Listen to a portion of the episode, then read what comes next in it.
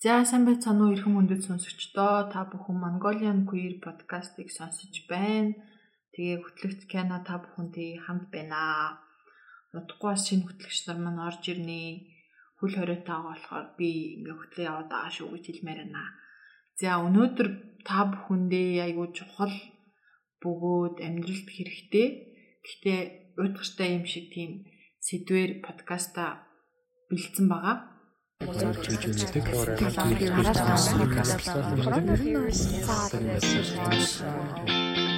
LGBT төв хүн бүрт хүний эрх шударгаас нэр төр. Та яг одоо Mongolian Queer podcast-ийг сонсож байна. За эхлээд манай зочин өөрийгөө танилцуулна. За сайн байцгаана уу намайг Балартуя гэдэг удиртай сэдв гэдэг нь хууль удиртай ажилтай хуульч өмгөөлөгч мэрэгчлээ юм хүн байна. За хамгийн ихний асуулт болохоор хууль яагаад хэрэгтэй юм бэ? За хууль яагаад хэрэгтэй вэ гэдэг асуултанд хариулахын тулд ер нь хууль зүгээр ер нь байхгүй байсан бол ямар байх байсан бол гэдэг ер нь төсөөлөлд үзэх хэрэгтэй баг. Тэгэх юм бол за ямар ч хэм хэмжээ байхгүй байх гэсэн үг шүү дээ. Ямар ч зохицуулт байхгүй байх гэсэн үг хүн болгоол нэг юм амьдрахын төлөө тэнцдэг учраас нэг амьдралын төлөө тэнцлүүд явагдана. Магадгүй маш одоо хурдан гүйдэг өвчтэй нэг нь бол хурдан гүйж очиод нэг сул дорой нэг нэг магадгүй нэг цохиж унаачаад хоолонд олоод авчих ч юм уу.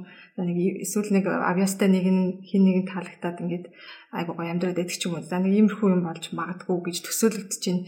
Тэгэхээр ер нь тэгжэл төсөөлөгдөх та бүх хүмүүст бүх хүн тэгш биш учраас энэ хууль гэдэг зүйл хэрэгтэй байдаг зүгээр яг хууль гэж юу вэ гэдгийг бол бидний нөгөө мэрэгжлийн үднэс бол хэд хэдэн онол яриад л ингээл тайлбарладаг л да.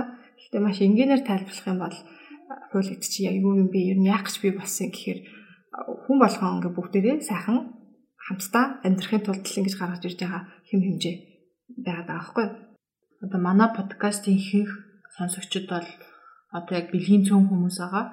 Тэгэхээр яг бэлгийн цөөн хүмүүсийн хувьд хууль гэдэг нь яг ямар учиртай байх юм, яг юу гэж тодорхойлох вэ? Миний хувьд бол илүү хамгаалал гэдэг талаар ойлгодог.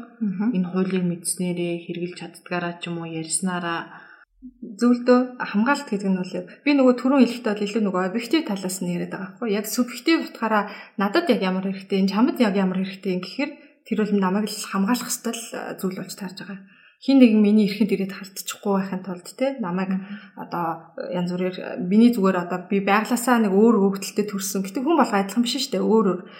Тэр өөр хөвгөл маань амьдрал дээр сул тал болж болохгүй. Нэгдүгээр бид тэрийг тэр хуулийг өөрсдөө бас мэддэг тодорхой хэмжээний ойлголттой байна гэдг нь миний хамгаалалт гэдэг утгаараа өөрийнхөө өөрийгөө хамгаалах, өөрийнхөө эрхийг хамгаалах нэг юм а хүчин юу болно те хүчин зүйл хамгаалалт болж таарна.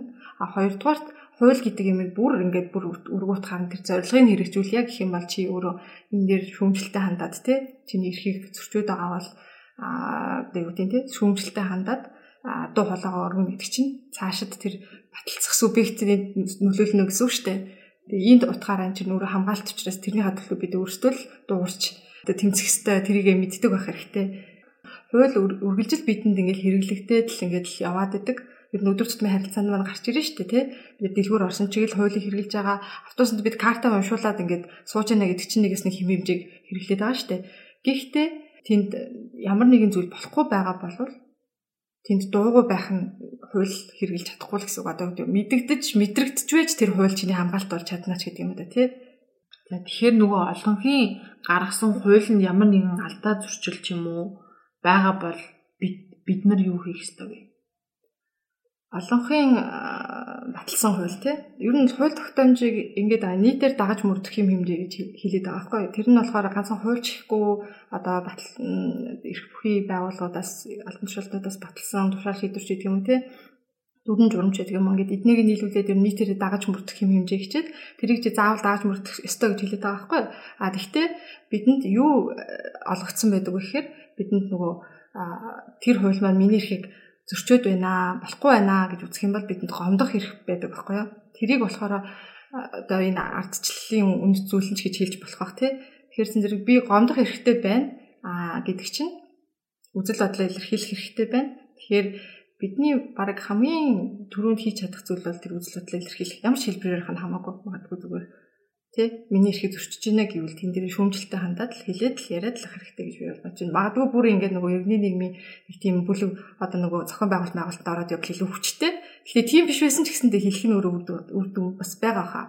Жишээ нь одоо энэ дээр нэг юм тохиолдол л та жишээ нь хоёр манай LGBT төв болон бусад одоо хүний эрхийн байгууллагууд бас олон жил ингээл нөлөөллийн ажил хийгээл тэмцсэний үр дүнд 2017 оны 7 сарын 1-ээс эрүүгийн хуулинд одоо шинэ хууль орсон шүү дээ.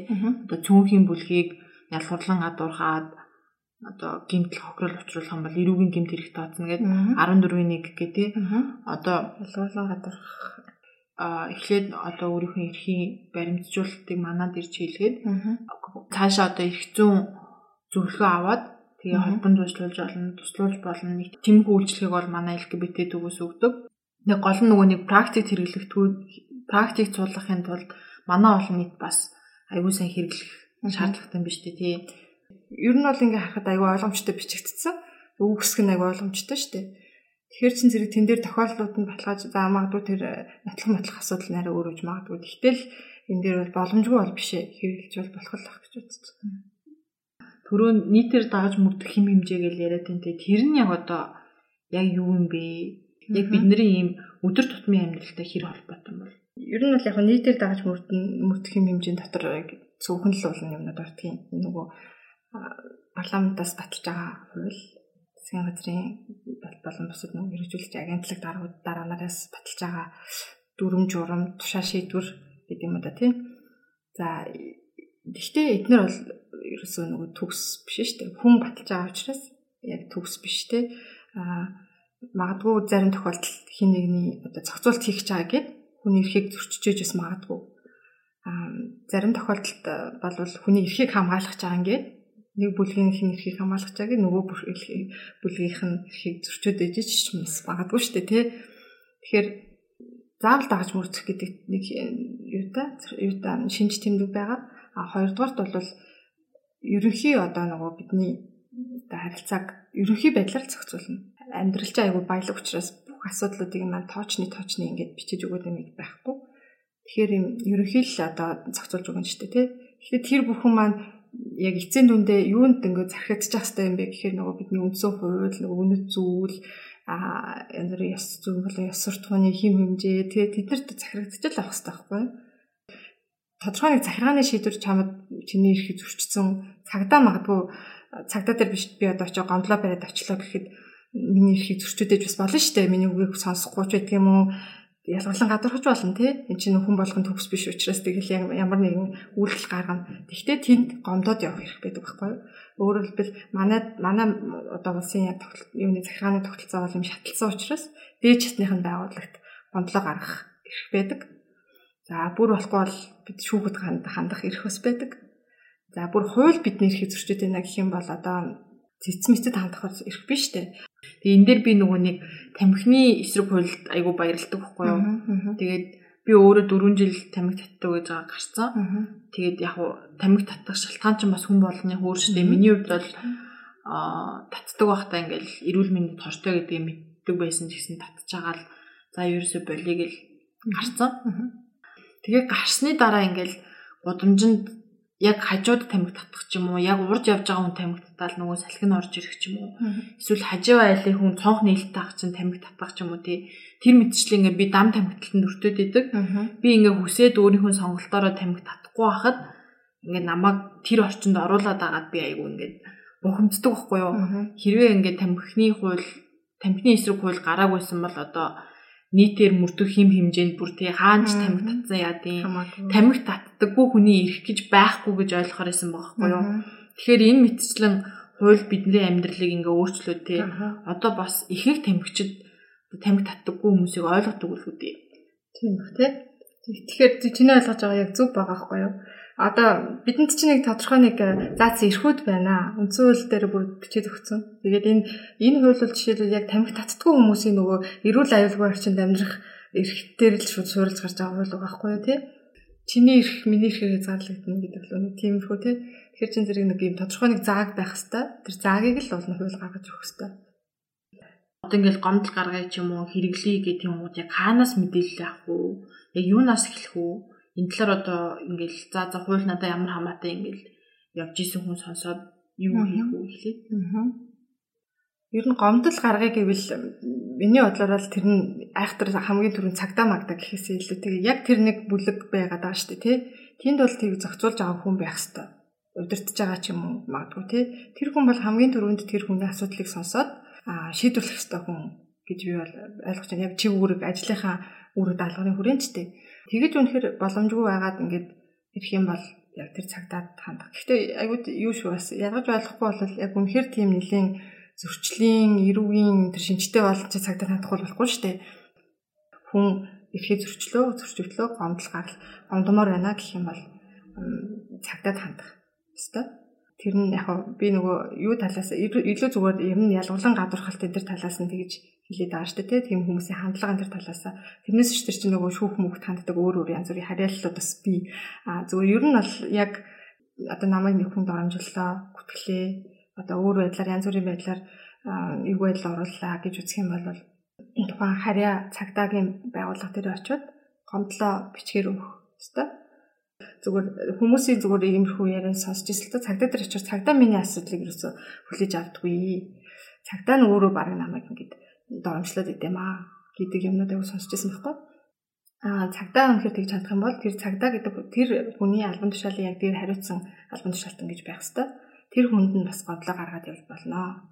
Тэгэд одоо хүмүүс бол яг зарагч гэж айгу мухай хэлээд байгаагаас биш яг уул нь бол яг тэгж явах хэрэгтэй байхгүй. Болохгүй бол тэнд би бүгдийн хэрэлдээд нэрвэ бараадах ямар ч шаардлага байхгүй. Бичгээр зохисны газарт нь өгөөл өгөөл явах хэрэгтэй. Тэгээ бүр шаардлагатай гэх юм бол хуульч нараас зөвлөгөө авч болно. Энэ дээр бол хүний эрхийн үндэсний комиссаас хууль зүйн эрх зүйн зөвлөгөө өгд юм лээ. Төлбөрөө бид гол нь л айждаг тий. За цагдаа намайг ялгуурлан гадуурх нь тэгээ айснасаа болоод ингээд одоо ирэхэд зөрчүүлээд ч юм уу яваад идэг. Тэгэхээр тихгүүгээр айгүй албан ёсны тий. Одоо энэ яг хуулийн дүрмээр л яваад байна шүү дээ. Тоглоомын дүрмээр явж байгаа юм шиг ингэж явал гол нь нөгөө нэг хууль гэдэг байгаа энэ хэрэгцүү гэдэг байгаа зүйлүүд чинь биднийг хамгаалах ёстой хүн бүрт ингээ ээлтэй орчныг бас бий болгох үүрэгтэй учраас хэрвээ одоо нөгөө нэг бид тийдийг гомдоох юм бол гомцноо сайн илэрхийлээд дараа дараагийн залуу LGBT олон нийт ч юм уу залуу хүмүүс дараагийн үедээ ээлтэй орчныг бий болгох нь одоо чухал юм уу даа гэж бодож байна. Тийм. Тэгээ айх гэд ярьж штэ тий. Би бол тэгж боддог. Хүн ер нь юунаас амар байдаг гэхээр нөгөө амар тодорхойгүй юмнаас аягүй байдаг. Гэт харанхугаас жишээлбэл байдаг штэ тий. Харанхуй юуж гараад ирэх юм гэдэгтгүй.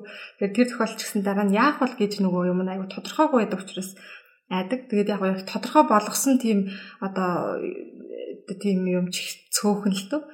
Гэхдээ яг ямар тохиолдолд би айцаа дарах магадaltaй вэ гэж бодохоор нөгөө нэг хүн өөрөө ирэхээ мэдчих юм бол тэгэхээр бол энэгээр би хэлмээр байхгүй та бодвол яг өөрийнхөө тэр identity тэ тэр өөрийнхөө мөн чанараар одоо бусдын дор орохгүй бусдад доромжлуулахгүй амьдрах л хэрэгтэй амьдрах тэ эрүүл байх өөр юу гэдэг те үзэл бодлоо хилэх хэрэгтэй тэгэхээр би ийм эрхтэй гэдэг юм туйлын ийм эрх байна гэдэг чинь одоо тэрийг манд тэрийг зөрчөөд байна гэдгийг наацхад нь мэдчих байх гэж бодод байна л та тий Тэгэхээр ийм юма мэдэж байна гэх юм бол чамд хамгаалт байгаа За ерөнхийдөө бол хууль эрх зүйн тухай одоо мэдээлэл өгөх, мэдлэг олгох подкастуудыг бас ингээд тогтмол болгоно.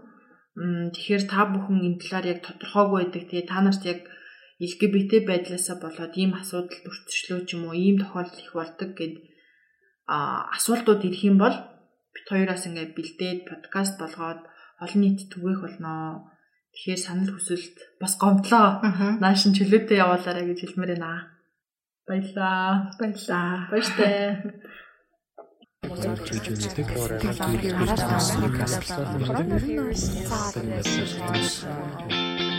LGBT төв хүн бүрт хүний эрх шударгаас нэр төр.